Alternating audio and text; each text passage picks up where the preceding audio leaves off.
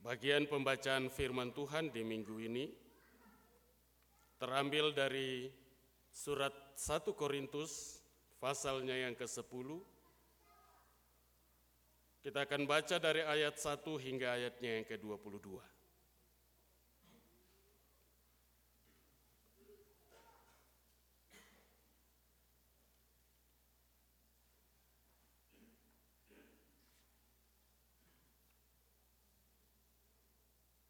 Sebelum kita membaca dan merenungkan bagian ini, marilah kita berdoa. Ya Allah, ya Tuhan kami, firman yang hidup. Kami hendak membaca dan merenungkan kebenaran dan firman.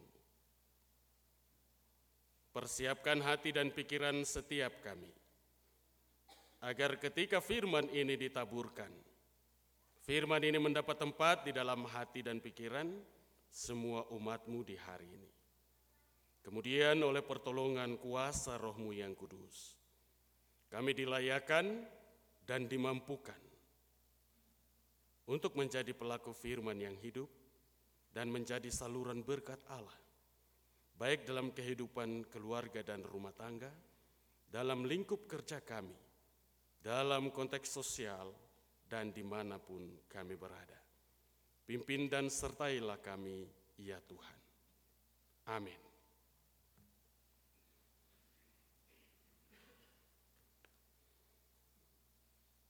Beginilah firman Tuhan. Israel sebagai suatu peringatan. Aku mau supaya kamu mengetahui, saudara-saudara, bahwa nenek moyang kita semua berada di bawah perlindungan awan, dan bahwa mereka semua telah melintasi laut.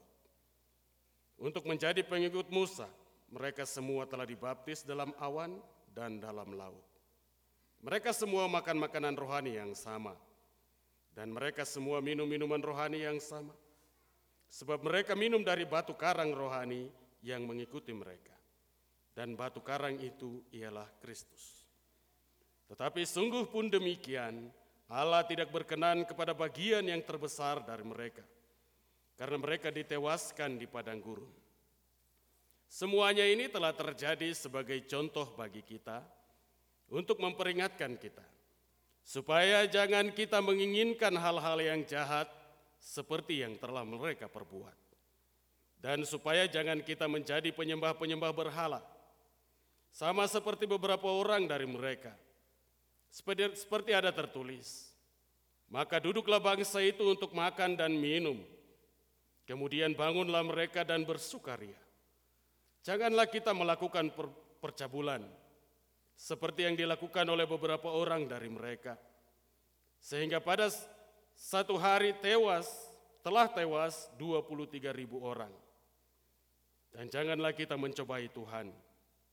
Seperti yang dilakukan oleh beberapa orang dari mereka, sehingga mereka mati di pagut ular. Dan janganlah bersungut-sungut seperti yang dilakukan oleh beberapa orang dari mereka, sehingga mereka dibinasakan oleh malaikat maut.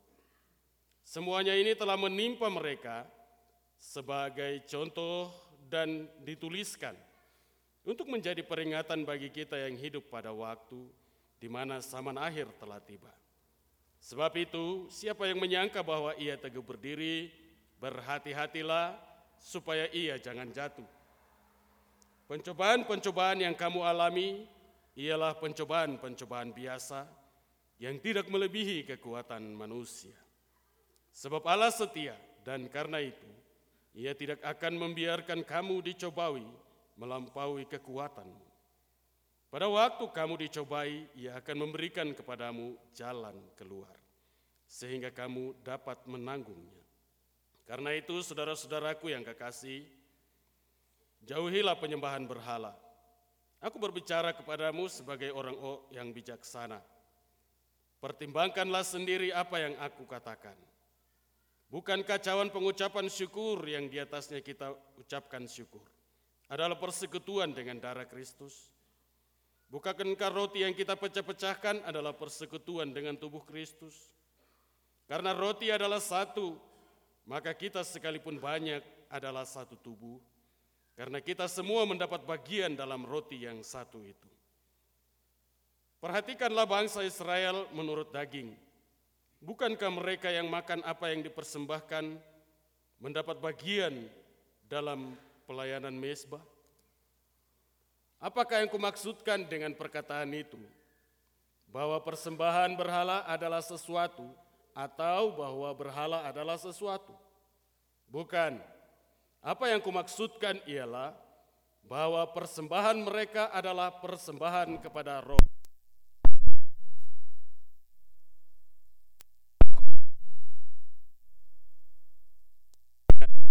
jahat. Kamu tidak dapat minum dari cawan Tuhan dan juga dari cawan roh-roh jahat. Kamu tidak dapat kamu tidak dapat mendapat bagian dalam perjamuan Tuhan dan juga dalam perjamuan roh-roh jahat. Atau maukah kita membangkitkan cemburu Tuhan apabila kita lebih kuat daripada Dia? Demikian bagian pembacaan firman Tuhan bagi kita di saat ini. Berbahagialah segala orang yang mendengarkan firman Allah, memeliharanya, dan melakukan dalam hidupnya tiap-tiap hari. Amin. Tema khotbah di kuartal yang ketiga yaitu pembaharuan Tuhan atas alam semesta ciptaannya. Kemudian konteks dari surat 1 Korintus pasal 10 ayat 1 sampai dengan yang ke-22. Diberikan tema belajar dari pengalaman.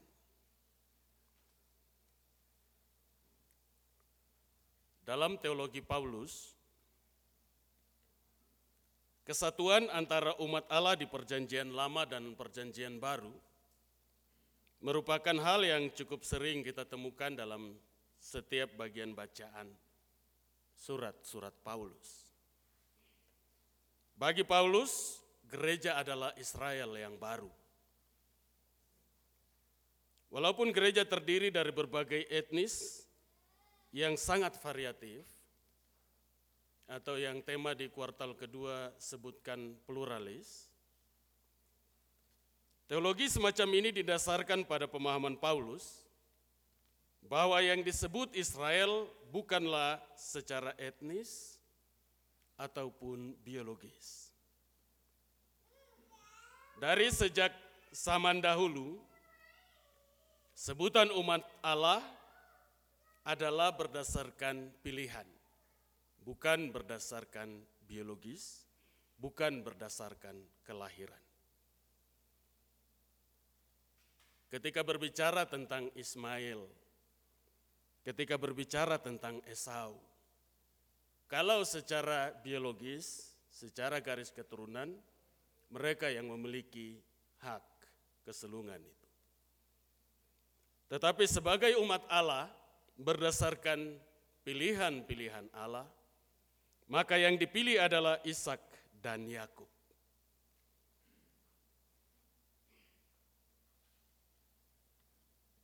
Di bagian lain dari surat Roma, Paulus memberikan argumen dari perspektif yang sedikit berbeda.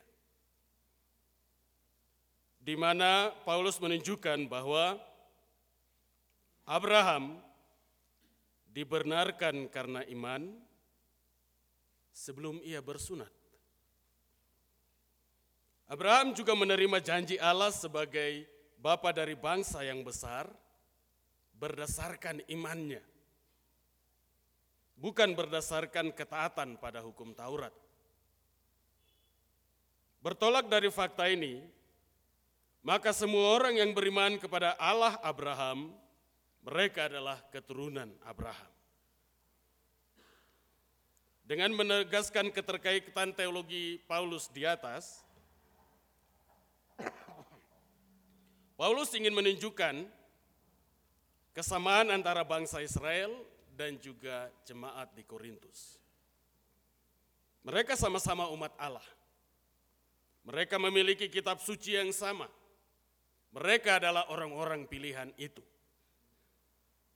Mereka mempunyai pengalaman rohani yang luar biasa bersama-sama dengan Allah. Kesamaan inilah yang membuat nasihat dan peringatan Paulus ini menjadi relevan pertama-tama bagi jemaat di Korintus. Kemudian bagi orang percaya di sepanjang segala zaman. Di bagian akhir dari pasal 9, sebelum kita masuk ke pasal 10, kita mundur sejenak ke pasal 9. Supaya bagian bacaan kita di pasal 10 ini connect, bisa kita mengerti. Di bagian akhir pasal 9, Rasul Paulus sudah menggambarkan kehidupan rohani kita seperti seorang atlet yang harus menguasai diri dan berusaha sekeras mungkin untuk mencapai garis akhir pasal 9 ayat 24 dan 27. Paulus sendiri bukan hanya memberitakan itu, tapi Paulus memberikan contoh dalam kehidupannya. Ia mendisiplinkan diri sedemikian rupa sehingga ia pada akhirnya tidak didiskualifikasi. Pada pasal 10 Rasul Paulus memperingatkan jemaat di Korintus agar berjaga-jaga terhadap keadaan mereka. Nasihat ini dipertegas lagi dengan menampilkan contoh-contoh dari tokoh-tokoh di Perjanjian Lama yang meskipun mereka umat pilihan Allah yang diakui Allah dan memiliki berbagai hak-hak istimewa. Ternyata mereka gagal dan didiskualifikasi. Mereka dihukum secara mengerikan oleh Allah karena dosa-dosa mereka. Selanjutnya Paulus meminta umat di kota Korintus dan juga kita di zaman ini untuk belajar dari pengalaman bangsa Israel sebagai suatu peringatan. Bagaimana kita harus hidup sebagai pengikut Tuhan atau orang-orang pilihan ataupun orang-orang percaya. Di ayat 1 sampai dengan ayat yang kelima bagian bacaan ini. Melalui beberapa contoh pengalaman rohani yang luar biasa yang pernah dialami bangsa Israel selama di padang gurun. Paulus menceritakan peristiwa di Perjanjian Lama dengan menggunakan ungkapan Perjanjian Baru. Sebagaimana semua orang percaya di Perjanjian Baru dibaptis di dalam Yesus. Demikian pula orang-orang pilihan di dalam Perjanjian Lama dibaptis untuk menjadi pengikut Musa. Mengapa Yesus dibandingkan dengan Musa dalam bagian ini? Dalam tradisi Yahudi, memang sudah dikenal sebuah pengharapan mesianis bahwa Mesias adalah Musa yang baru. Ulangan pasal 18 ayatnya yang ke-18, kita bisa baca di situ. Dan salah satu peranan Mesias adalah sama dengan Musa, yaitu memimpin bangsa Israel, memimpin umat pilihan. Berdasarkan tradisi inilah, Paulus membandingkan Musa dengan Yesus, yaitu dari sisi kepemimpinan mereka. Peristiwa bangsa Israel melintasi Laut Teberau dan orang-orang percaya di baptis memang memiliki kesamaan. Kesamaannya yaitu keduanya melibatkan unsur air. Lebih jauh lagi, Kedua peristiwa ini merupakan titik balik perubahan dari status umat Allah. Sebelum melewati Laut Teberau, status bangsa ini sebagai budak. Setelah itu, mereka baru menjadi umat Allah dalam arti yang sesungguhnya. Baptisan juga demikian. Sebelum dibaptis, orang-orang percaya dianggap masih berada dalam status mereka yang lama. Selanjutnya, pemberian mana yang adalah roti surga dan air minum yang keluar dari batu karang. Kisah tentang Masa dan Meriba. Juga menjadi cerita bagaimana Tuhan memelihara mereka secara ajaib. Namun kenyataannya, bangsa Israel justru sering bersungut-sungut dan meninggalkan Tuhan yang telah memelihara mereka. Mereka semua memiliki pengalaman spektakuler yang sama. Mengalami perlindungan, mengalami pimpinan dan berkat, serta mujizat dan kecukupan jasmani dari Tuhan. Namun mayoritas dari mereka tidak berkenan kepada Allah, sehingga mereka ditewaskan di padang gurun. Dan pada akhirnya, yang mencapai garis akhir hanyalah sedikit dari antara mereka. Kemudian bagian yang kedua di ayat 6 sampai dengan ayatnya yang ke-10. Pada bagian ini Paulus melanjutkan uraian perihal kesalahan dan hukuman bagi umat Israel. Dosa-dosa dan tulah-tulah yang menimpa mereka semuanya dicatat sebagai contoh kepada jemaat di Korintus tentang dosa-dosa yang harus dihindari. Adapun dosa-dosa yang harus dihindari dengan mengambil contoh dari bangsa Israel. Yang pertama adalah menginginkan hal yang jahat di ayat yang ke-6. Kemudian ayatnya yang ketujuh menyembah berhala. Ayat yang ke-8 adalah percabulan. Ayat yang ke-9 mencobai Tuhan. Dan ayatnya yang ke-10 yaitu bersungut-sungut. Hal-hal yang harus dihindari. Kemudian bagian yang ketiga di ayat 11 sampai dengan ayatnya yang ke-13. Dari peringatan-peringatan yang datang berdasarkan pengalaman umat Israel, maka kini Rasul Paulus memberi peringatan yang bersifat lebih umum kepada jemaat di Korintus. Agar mereka bersikap hati-hati dan tidak menjadi sombong tidak menjadi sombong dalam pengertian terlalu percaya diri. Dengan statusnya sebagai umat pilihan Allah. Israel juga dulu begitu. Karena terlalu percaya diri. Akhirnya jalannya menyimpang. Kalian di jemaat Korintus jangan juga menjadi orang yang sombong. Orang yang terlalu percaya diri karena sebenarnya pada dirimu sendiri tidak memiliki kemampuan apa-apa.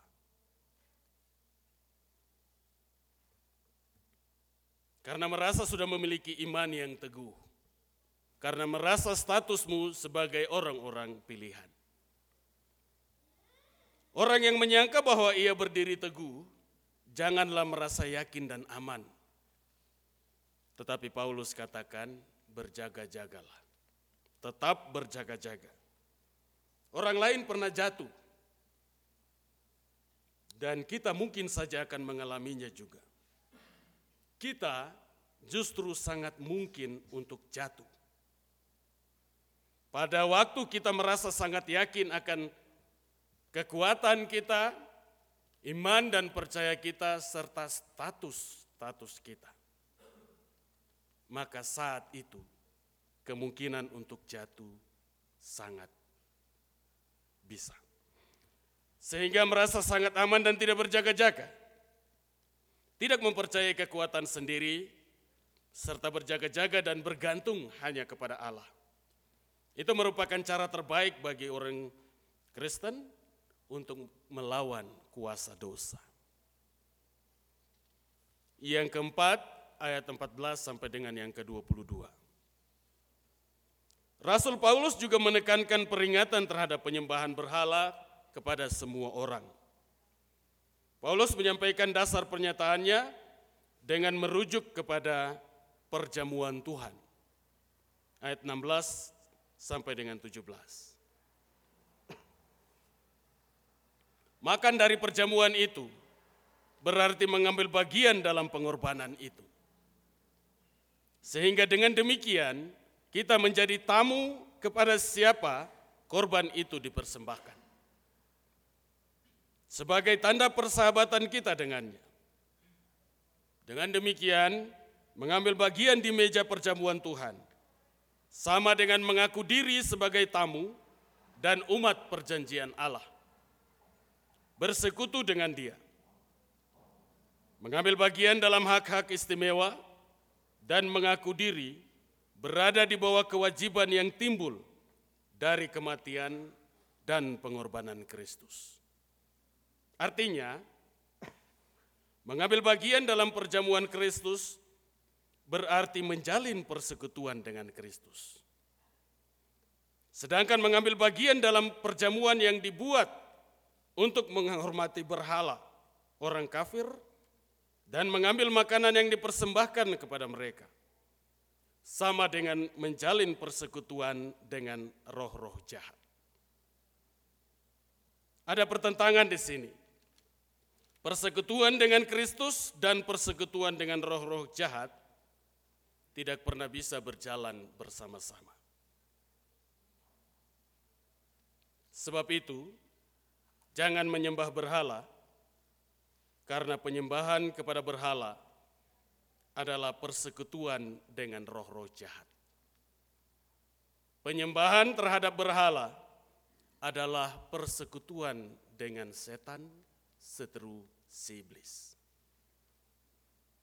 Mengenai penyembahan berhala, sudah diberitakan kepada jemaat berulang-ulang kali. Apa yang disebut dengan penyembahan berhala? Bagaimana praktek kehidupan yang sedang menyembah berhala.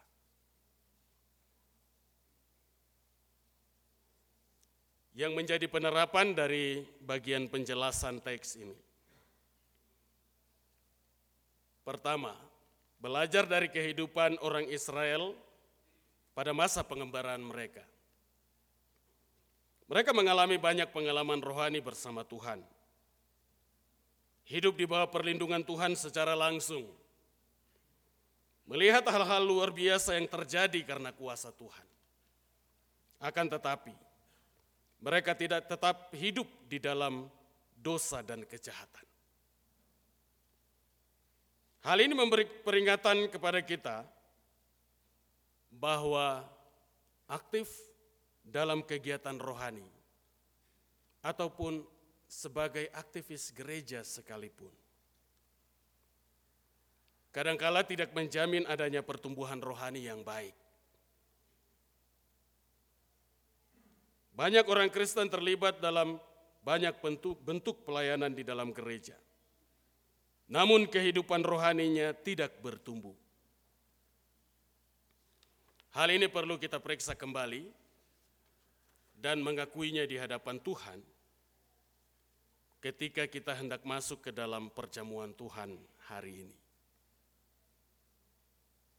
aktivis gereja saja tidak mungkin atau jarang sekali terjadi pertumbuhan iman. Apalagi yang datang cuma hari Minggu untuk beribadah saja. Walaupun pendeta pernah, dengar yang katanya Alkitab berjalan. Walaupun Anda Alkitab berjalan sekalipun. Alkitab berjalan tidak menjamin imanmu bertumbuh. dan contoh-contoh yang lain. Yang kedua, memberi diri atau mengambil bagian tiap waktu dalam perjamuan Tuhan. Membuat kita terikat dalam persekutuan dan ketaatan kepada Dia. Dalam ketaatan kepada Kristus dan dalam kesatuan dengan Dia. Kita tidak dapat mempersilahkan Allah lain mengganggu hubungan yang baik ini. Maka bagian ini juga menasihati kita tentang penyembahan berhala yang harus kita sikapi dengan serius. Karena hal ini masih terus terjadi dalam hidup kita. Hanya saja bentuknya yang berbeda. Berhala-berhala itu kini dikemas dalam situasi modern dan membaur dalam kehidupan sehari-hari. Bahkan sering kali berhala-berhala itu dikemas dalam simbol-simbol. Baik simbol kekuasaan, baik simbol kesenangan, simbol kemewahan, dan simbol kesejahteraan dan lain sebagainya. Dan semuanya itu kita junjung sangat tinggi. Dan yang ketiga, peringatan bagi kita seperti peringatan yang disampaikan Rasul Paulus pada jemaat di Korintus. Kuasailah dirimu dalam segala hal. Jangan menginginkan, apalagi melakukan hal-hal yang jahat. Jangan menyembah berhala, sebab sekali lagi diingatkan kepada semua umat Tuhan. Penyembahan kepada berhala adalah persekutuan dengan roh-roh jahat, persekutuan dengan setan ataupun si iblis. Jangan hidup di dalam atau melakukan percabulan. Bagian lain menyebutkan percabulan kemudian melengkapinya dengan hawa nafsu. Berbicara tentang percabulan, berbicara tentang seksualitas. Banyak anak-anak muda yang menjadi korban dari orang-orang yang sudah bersuami, sudah beristri, kemudian remaja-remaja putri atau pemudi-pemudi menjadi korban. Berbagai macam alasan. Dan itu terjadi di area kerja ini. Bagian ini juga hari ini mengingatkan kita. Jangan hidup dalam ataupun melakukan percabulan. Yang keempat, Jangan bersungut-sungut, jangan khawatir, jangan sombong. Tetapi berjaga-jagalah dan mengucap syukur dalam segala hal yang dikaruniakan Tuhan kepada kita. Dan yang terakhir, jangan mencobai Tuhan Allah. Roh Kudus menolong kita menerjemahkan dan menyempurnakan firman ini dengan sempurna dan memberkati kita sekalian. Amin. Kita akan berdoa. Syafaat kita adalah doa Bapa kami. Kita berdoa bersama-sama. Kita mulai. Bapa kami yang di surga, dikuduskanlah namamu. Datanglah kerajaanmu, Jadilah kehendakmu di bumi seperti di surga. Berikanlah kami pada hari ini makanan kami yang secukupnya. Dan ampunilah kami akan segala kesalahan kami. Seperti kami juga mau mengampuni orang yang bersalah kepada kami. Dan janganlah membawa kami ke dalam pencobaan. Tetapi lepaskanlah kami daripada yang jahat. Karena engkaulah yang punya kerajaan dan kuasa dan kemuliaan sampai selama-lamanya. Amin.